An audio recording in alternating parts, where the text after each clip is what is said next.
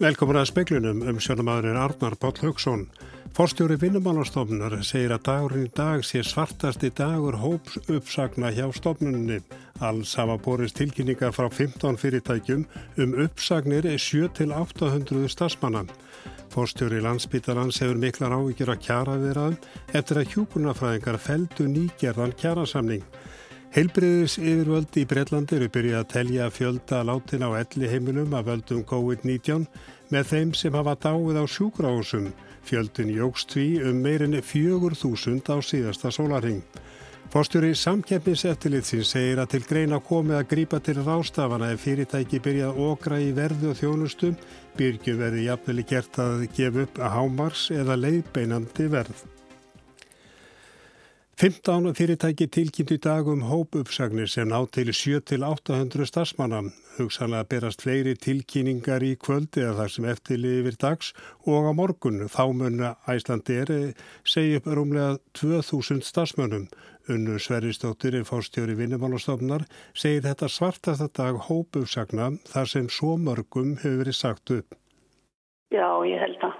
Ég held ég verði bara að segja það að því að áur náttúrulega voru ekki uppsagnir beint, það voru Þar var fyrirtæki gjaldróta en svona, ég held að þetta sé nú svartast í dagurinn í hópuppsögnum, já. En hvernig skiptast þessar uppsagnir? Hvaða fyrirtæki standa á bakviðar? Þetta er alveg lang, lang stærstum hluta. Er þetta ferðaðinarinn og fyrirtæki sem að tengjast honum. Það er ein fiskvinnsla inn í þessu sem að sendis vegna loðnubrests og eitthvað meiri svona aflabrestur en annars er þetta ferðarþjónustan og ferðarþjónustan tengt fyrirtæki. En það má segja að uppsögnum hafi ringt inn til ykkar í dag eh, en það má búast við jafnvel fleiri uppsögnum þar sem eftir lifir þessum degi og á morgun. Já, alveg búast við því. Það er, alveg, það er ekki allavega, það er ekki að taka fyrir það. Það er allir dagurinn og morgun eftir sko. En e, þessar tölur þar að segja 7-800 manns, inn í þeim er ekki tilkynning frá Æslandir um uh, uppsagnir rómlega 2000 stafsmanna. Já, nei, það er ekki. Svo tilkynningar ókomin og ég, ég veit til þess að hún kemur til okkur á morgun. Þetta var unnur Sverristóttir. Hjókunarfræðingar feldu kjærasamning sem var undurreitaður 10. april um 80% félagsmanna greittu atkvæðum samningin og ríflega helmingu þeirra hafnaðanum. Pál Matjásson, fórstjóri landsbítalans, hefur miklar áveikjur af stöðu kjæraðiraðana. Ekki eru nógu margir hjúkunarfræðingar að störfum því spítalinn hefur ekki geta ráðið þann fjölda sem þarf. Sko, hjúkunarfræðingar eru eitt helsta hryggjastykkið í starfsemi sjúkrahúsa og heilbríðsjónustur almennt þannig að það er mjög vant þegar að það er órói og, og óvisa á meðal þess starfsfólks. Páll segir að hugsanlega hafi ekki tekist að kynna samningin og vel meðal hjúkunarfræðinga. Ég held reyndar varðandi þennan samning sérstaklega þá er þetta tímamóta samningur, mjög mikil breyting í honum að því að varðar vinnutíma og annað slíkt og maður velti fyrir sér hvort að svona, það er fordamalauðs aðstöðu sem uppi eru hafi haft áhrif þarna og trublað vegna þess að það eru allir á dekki við það að, að vinna í að uh, takast á við faraldurinn. Þetta var Pál Matjásson. Tvö ný COVID-19 tilfelli voru staðfest í gæra annað hjá veirufræði deildi landsbytalans og hitt hjá íslenskri erðagreiningum. Hvorugt var í sótkví. Alls hafa því 1797 greinst með koronaveiruna hér á landi en tæmlega 93% þeirra hafa náð bata. Aðeins eru 131 sjúklingur með virti smitt. Engin er í öndunavel eða á gjörgjæslum en alls eru sjö á sjúkrási. Þórólur Gunnarsson, sóttvarnalæknir, sá ástæði til þess að ítreka á upplýsingafundi almannavarna í dag að tveggja metra reglan væri fullu gildi og alls ekki hefði komið til tals að slaka á henni út þetta árið í að myrsta næstu mánuði. Hegðun hvers og eins sé mjög mikilvæg. Sótt og síkingavarnir eins og handvotur, notkuna handspriðs, reynsun áhalda og flata sem aðrir hafa snert að forðast fjölminn og virða tveikja metra regluna hafi gengt líki hlutverki að koma í vekk fyrir hópsíkingar og útbreyslu COVID-19 veirunar. Sá miskilingar hefur komið upp og ítrekkað verið í fjölmjölum að, að það sé áformað að afnema tveggja metra regluna, það er alls ekki svo og hefur aldrei raun og veru komið til tals að hún verði afnumin. Hins vegar er það þannig að eftir því sem við afléttum eh, fleiri takmörkunum þá verður erfiðara að framfylgja tveggja metra reglunni. Því að margar aðgerðir gera það verkum eins og starfsemi ímiskonar gera það verkum að ekki verður hægt að framfylgja tveggja metra reglunni en það kemur hins vegar ekki veg fyrir það að hver og einn verður að reyna að halda þessari tveggja metra reglu eins mikið og vel eins og mögulega getur. Við verðum að hvetja alla áfram til að gera það meðan að við erum að berjast við þessa veiru og meðan við erum að reyna að koma í vekk fyrir frekari faraldra eins og mögulegt er. Þetta var að Þórólur Gunnarsson. Norski auðkýfingurinn Tom Hagen var í dag úrskurðar í fjögra vekna gæsluvarðhaldi grunar um að hafa orðið eigikonu sinna að bana haustið 2018. Þar af verður hann eh, fyrstu tvær vikunar í einágrunni til að komi vekk fyrir að hann nái að ræða við mynda vitósmenn. Svein Holden, verjandi hans, sagði við fjölmila áður en niðurstaðan lág fyrir að mála tilbúna lauruglu byggðist á veikum grunni. Hann ætti vona því að haken yrði sleft.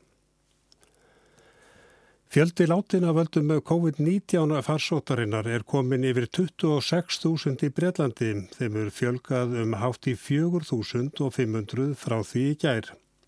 Skýringin á þessari skindilugu fjölgun er svo að heilbriðis yfirvöld eru byrjuð að telja þá með sem hafa dáið á hjúkrunnar og elli heimilum og úti í þjóðfélaginu. Hinga til hafa einungis verið gefnar upplýsingar um fjölda látina á bresku sjúkrahúsanum. Fjölgunin á einum sólarhing nefnur 17%.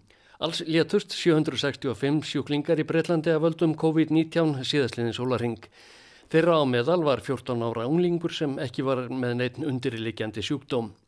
Matt Hancock, helbreyðis ráð þeirra, sagði í gær á stöðufundi vegna farsóttarinnar að hann vildi hafa eins mikið gegnsægi í upplýsingum vegna hennar og undværi.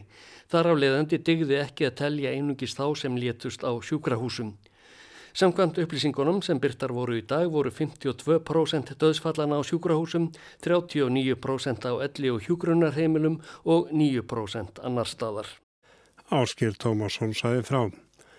Skemtir hafa verið unnar á helgafelli í nákvæmni Hafnafjörðar. Þar hafa verið rist nöfni í steina sem erfitt er að má af. Sviðstjóri hjá umhverjastofnunni segir það varði við lög að valda skemtum af þessu tægi. Talsveru umræða skapaðist þegar aðtikli var vakin á sambærilegum skemdum sem unnar voru á sveðinu í fyrra. Myndir sem aðtigull gungugarpur tók á sumardaginn fyrsta og sendi fréttastofu benda til þess að frekari skemdir hafi verið unnar upp á síðkastið. Ólafur A. Jónsson, sviðstjóri hjá umhverjastofnun, segir að tilkynningarnar sem bárist í fyrra hafi verið þær fyrstu um skemdir þarna af þessu tægi. Þó sé augljóst að þær hafi verið unnar á lungum tíma. Ef til vilt sé umhverjusvitun fólks orðin sterkari og það verði til þess að skemmtir að þessu tægi séu tilkynntar til stopnunarinnar. Ólafur segir að almennt hafi gengið velar hinsaburtu skemmtirnar sem uppgötuðist í fyrra en sumar þeirra hafi verið djúpar og augljóslega reistar með upplugu verkfæri. Jón Hákon Haldarsson saði frá. Fyrverandi frangvandastjóri ADHD samtakana var í dag dæmdur í tíu mánuða fangilsi fyrir fjárdrátt, umbóðsveik og peningaþvætti. Í starfi sínu hjá samtökunum dró hann sér rúma nýju miljónu króna. Hann hjátaði brott sín. Hér aðstómur Reykjanes hvað upp dómin í dag. Í honum segir að framkvæmdastjórin fyrverandi Þröstur Emilsson sé dæmdur fyrir að hafa dreyið sér fjö ADHD samtakana samtals rúmar 7 miljónir króna í 50 tilvikum frá júli 2015 til mæ 2018 með debitkorti, greiðslu reikninga í eigin þáu, styrkveitingum og millifærsluminn á eigin reikning. Sömulegis notaði þröstur kreditkort samtakana í allskynns kaup frá februar 2015 til mæ 2018. Ásamt því að millifæra dágóðar fjárhæðir inn á sinn reikning er þröstur dæmdur fyrir umbóðsvik. Hann greitti áskrift að streymisveitunni Spotify og líkamsrækt í Reebok Fitness. Einnig millifærðan 340.000 krónur inn á veitingaþjónustuna Múlakaffi og 280.000 til Háskólans í Reykjavík. Þá styrti þröstur félag viðreistnar um 100.000 krónur í desember 2017 með peningum ADHD samtakana. En hann skipaði þriðja sæti á lista flokksins í Hafnarfyrði fyrir sveitarstjórnarkostningarnar 2018. Þá eittan 120.000 krónum í netverstun vinnbúðarinnar og kefti sér flug innanlands og utan svo eitthvað sér nefnt. Aug fjárdráttar og umbóðsvika bætist peningaþvætti við fyrir að nýta sér fjöð í eigin þáu með ólögumætum hætti. Hann er dæmdur til að greiða ADHD samtökunum 9,2 miljónir króna á samt vöxtum og 170.000 krónur í málskostnað. Hann fekk tíu mánada fangelsistóm þar af sjö skilorðspundna. Þröstur varði sig sjálfur fyrir dómi og játaði brot sín skílaust. Sunna Valgiradóttir saði frá. Forstjóri samkemdiseftilitsins segir að til greina komi að grípa til ráðstafana ef fyrirtæki byrjað okra á verði og þjónustum. Byrgjum verði jafnveli gert að gefa upp hámarks eða leiðbeinandi verð sem er bannað núna samkvæmt samkemdislögum. Eftirlitið hefur þegar veitið tæplega tíu undan þáur sem heimila samfunnu samkemdisfyrirtækja.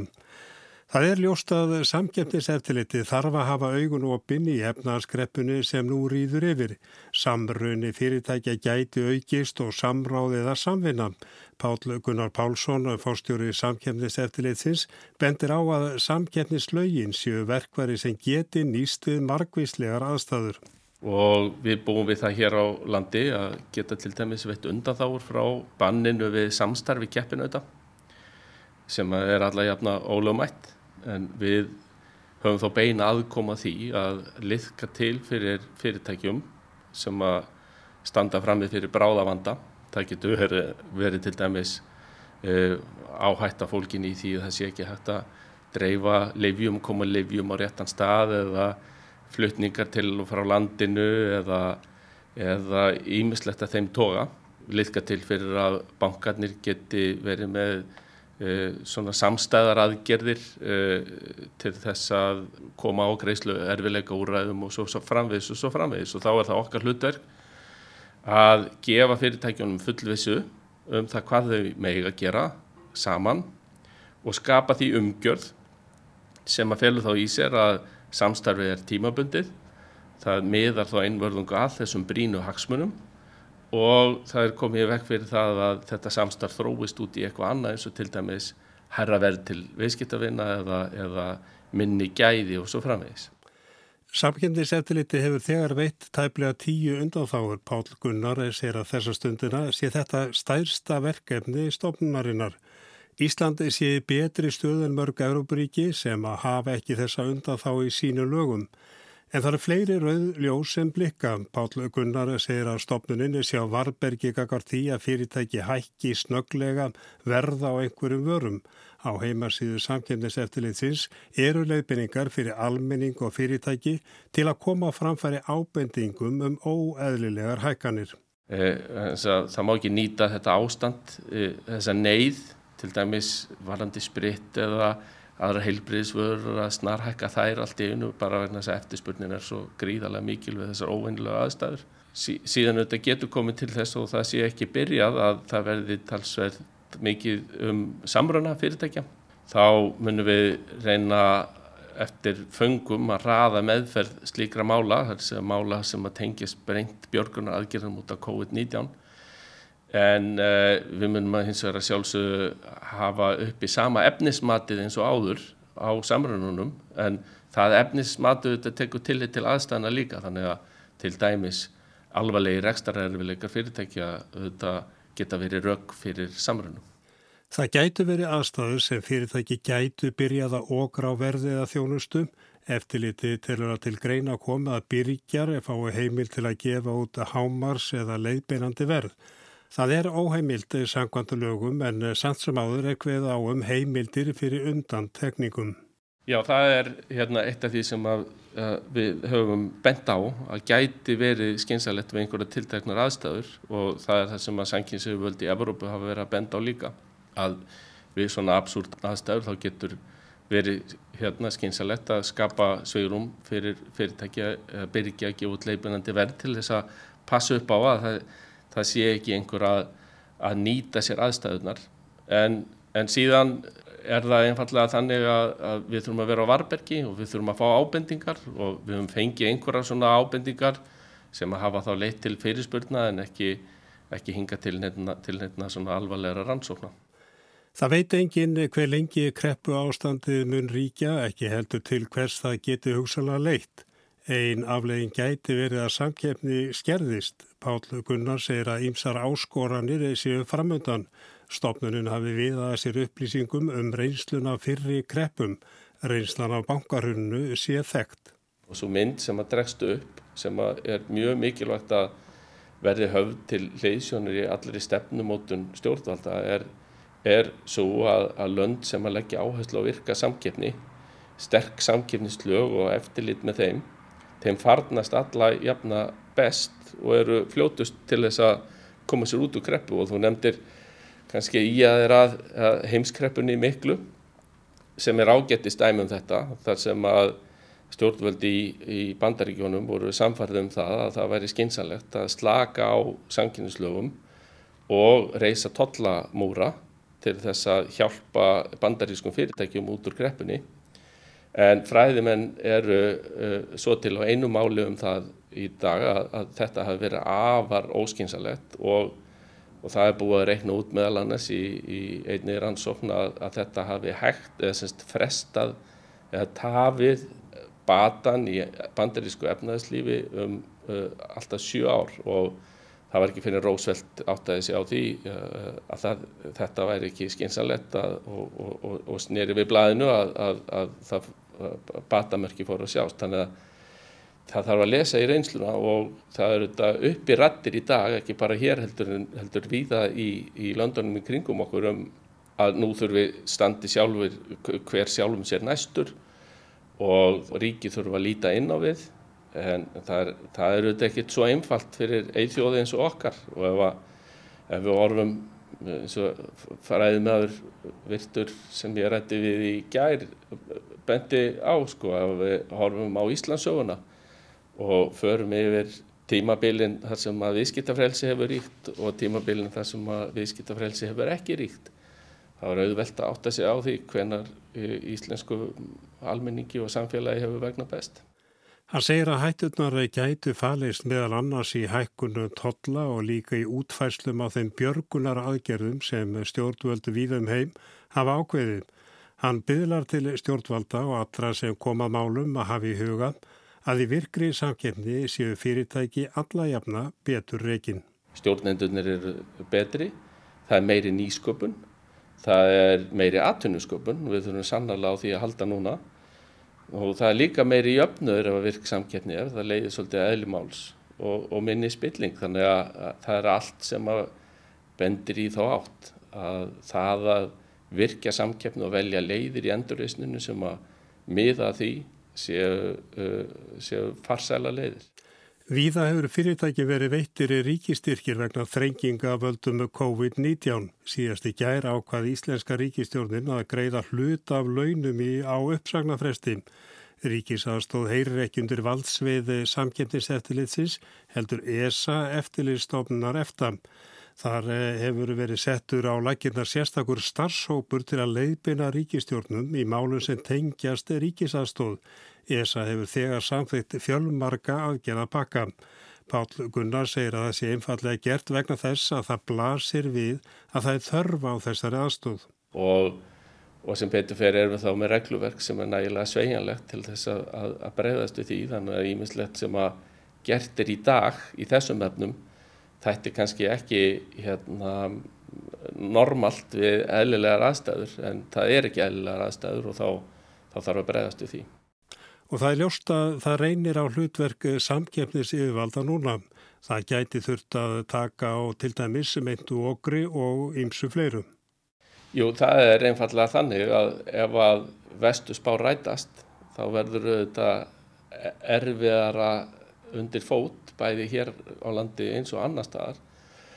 Og þá er mjög mikilvægt að gæta að því til lengri tíma til dæmis að fyrirtæki sem að sannarlega eru í miklu vanda leiti réttu leiðana í lausnum á því. Og, og raunguleiðinar eru til dæmis þær að freistast til þess að fara í samráð við keppinöta sína með það að markmiði að hækka verð eða að markasáðandi fyrirtæki misnoti markasáðandi stöðu sína.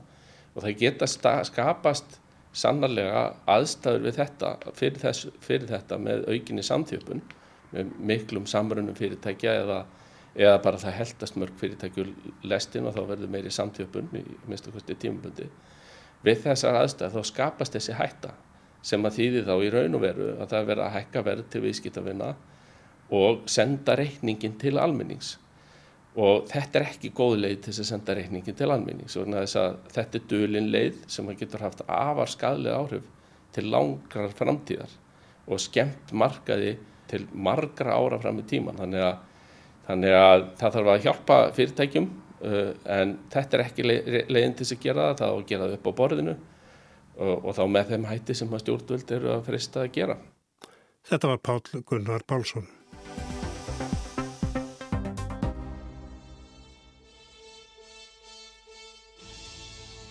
Tæpar þrjár vikur eru síðan síðast spurðist til Kim Jong-un að leðtóa Norður Kóru. Hann leti ekki eins og sjá sig í grafhísi ættarinnar á sólarháttíðinni sem haldin er þann 15. apríl ár hvert til að heyra minningu Kim Il-sung afa hans og forvera í ennbætti. Kim-veldið hefur stýrt Norður Kóru frá því Kóruðskáðunum var skipt upp eftir setni heimstyrjöld. Kim Jong-un er af þriðju kynsluða leðtóa. Hann tók við árið 2011 eftir að fadir hans Kim Jong-il lést. Kim Jong-un var ungur og reynsluleus þegar hann tók við taumunum í ríkinu sem einungis er líðræðisríkja nafninu til. Norður Kórea er þekkt fyrir mannréttindabrót, áróður, lendarhyggju, leiðtóadýrkun og að sveipla kjarnorkuvopnum sem engin veit almennilega hversuru megnug reglulega framni heiminn. Kim Jong-un er talinn vera 36 ára gammal. Þetta er ekki fyrsta sinn sem hann hverfur tímabundi af sjónusviðinu. Árið 2014 sást hann ekki í mánuð og orðrómur fór á kreikum að hann hefði verið ráðinn af dögum í tilraun til valdaráns. Svo reyndist ekki raunin, hann byrtist aftur, álíka þéttur á velli og áður og að vísu haldur og gekk við staf. Þessa dagana fer mörgum sögum á því hvers vegna ekkert hefur spurst til leittóhans. Sumir segja hann hafi verið myrtan, aðrir að hann sé í dái eftir hjartaðgerð og enn aðrir að hann hafi ákveðið að einangra sig vegna kórnuveru faraldusins. Ráðamenn í Suður Kóriðu fullir það að leittóin sé við góða helsu en enga staðfestingu á því er að finna í norður kóreska ríkisjónvarpinu. Þar sést hann ekki. 위대한 용도자 김정일 동지께서 주체백 Ef Kim Jong-un er dáin, sem er kannski ekkit sérstaklega líklegt, kemur það öruglega í hlut sjónvarstuðlarins Ri Shun-hee að færa almenningi tíðindin. Hún er komin á eftir laun en er þó fenginn til að flytja öll helstu stórtíðindi sem varða þjóðina. Hér má heyra hann að tjá landsmönum dauða Kim Jong-il, föður núverandi leðtoga með miklum tilfinningahita. Robert Kelly, stjórnmálafræðingur í Suður Kóriðu, telur þögn Kína og Norður Kóriðu benda til þess að Kim Jong-un glými við einhvers konar helsuprest. Kelly segir ekki vissum að það er þið tilkynnt strax væri leðtóin látin eða þungt haldin, fyrst er þið fundin artæki.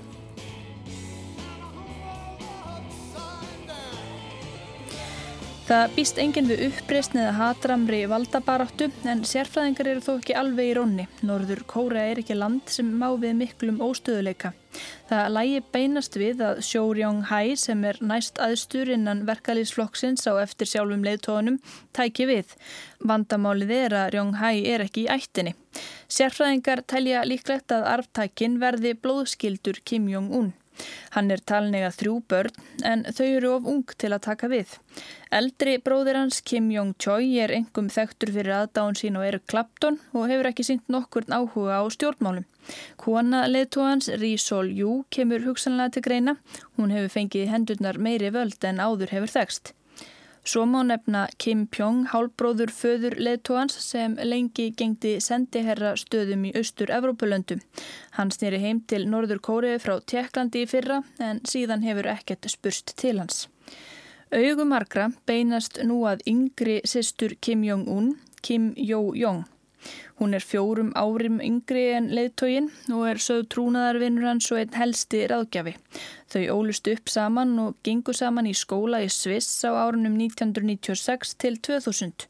Vörðu tíma sínum utan skólan saman í hálgerðri einangrun meðvituðum að þeirra beði allt öðruvísi framtíð en skólafélagana. Jójón kom heim og namn tölvunafræði við háskóla kendan við Afasinn. Hún hefur verið virk í verkalýsfloknum frá árinu 2007 og sögur herma að hún hefur verið rítari föður síns til dánardags. Árið 2011 sást hún fyrst opimberlega sem meðleimur Kim ættarinnar í jarðarför föður síns. Á allra síðustu árum hefur hún unnið sig hratt upp. Árið 2017 komst hún til aðstu metorða innan verkalýsflokksins og árið 2018 stál hún senunni á vetrar olimpíuleikunum í Suður Kóreu. Hún fór þangað fyrir höndbróðu síns með skilaboð til fórsetta landsins Moon Jae-in um að Kim Jong-un væri tilbúin til fríðarviðræðina. Þetta var í fyrsta sinn sem meðlimur Kim ættarinnar steg fætin í landið. Jó Jong er talin skipulegja dagskrá bróðu síns og stýra ímyndhans innanland sem utan. Hún hefur fyllt honum í hinnar ímsu verksmiðju heimsóknir og til fundar við bæði Donald Trump bandaríkjafósetta og Xi Jinping fósetta Kína. Eftir að viðræður Norður Kóreu og bandaríkjana um afvopnun fórutum þúfur virðist Kim Jong-un hafa sinnast við sýstur sína, kent henni um hvernig fór. Hún misti stöðu sína innan flokksins og let lítið fyrir sér fara um skeið en í ár komst hún aftur í einstarring flokksins. Líklega þarf hún þó að passa sig á því að skikki ekki um ofa á bróður sinn. Það getur farið illa fyrir fjölskyldumæðlimum sem ekki þóknast honum. Hann let ráða frænda sinn af dögum og er talin hafa staðið á bakvið morðið á hálfbróðu sínum en sá var myrtur með taugaeitri á flugvelli í Kuala Lumpur, höfuborg Malasi árið 2017. Í fyrstu var Kim Jong-jong fáorð og lítið áberandi. Hún raug til og rétti leðtóum penna eða bróður sínum öskubakka þegar áþurft að halda, kvarf svo aftur í skuggan. Nú er hún stíin út úr skugganum, hún er aðsópsmikil og valdmannsleg og sumir kallana ívöngu Trump norður kóru. Jong-jong er sögð greind, skipulögð og meðvituð um eigin völd, orðljót á köplum, yfirlætisfull og með torrætt brós. Kim Jong-un verðist treysta sýstur sinni fullkomlega og líta á hana sem framlengingu af sjálfum sér. Þannig fær hún að stýra viðræðum og senda erlendum þjóðarleðtóum yfirlýsingar í eigin nafni. Þegar Suður Kórea gaggrindi hernaðaræfingar granna sinna, sagði Jó Jóng gaggrínina minna á gælt í þættum hundi og hún gerði Donald Trump grein fyrir því að þó tengslinn millir hans og bróðurinnar væri góð, gildi það ekki um tengsl bandaríkjan á Norður Kóreu, ekki enn sem komið væri.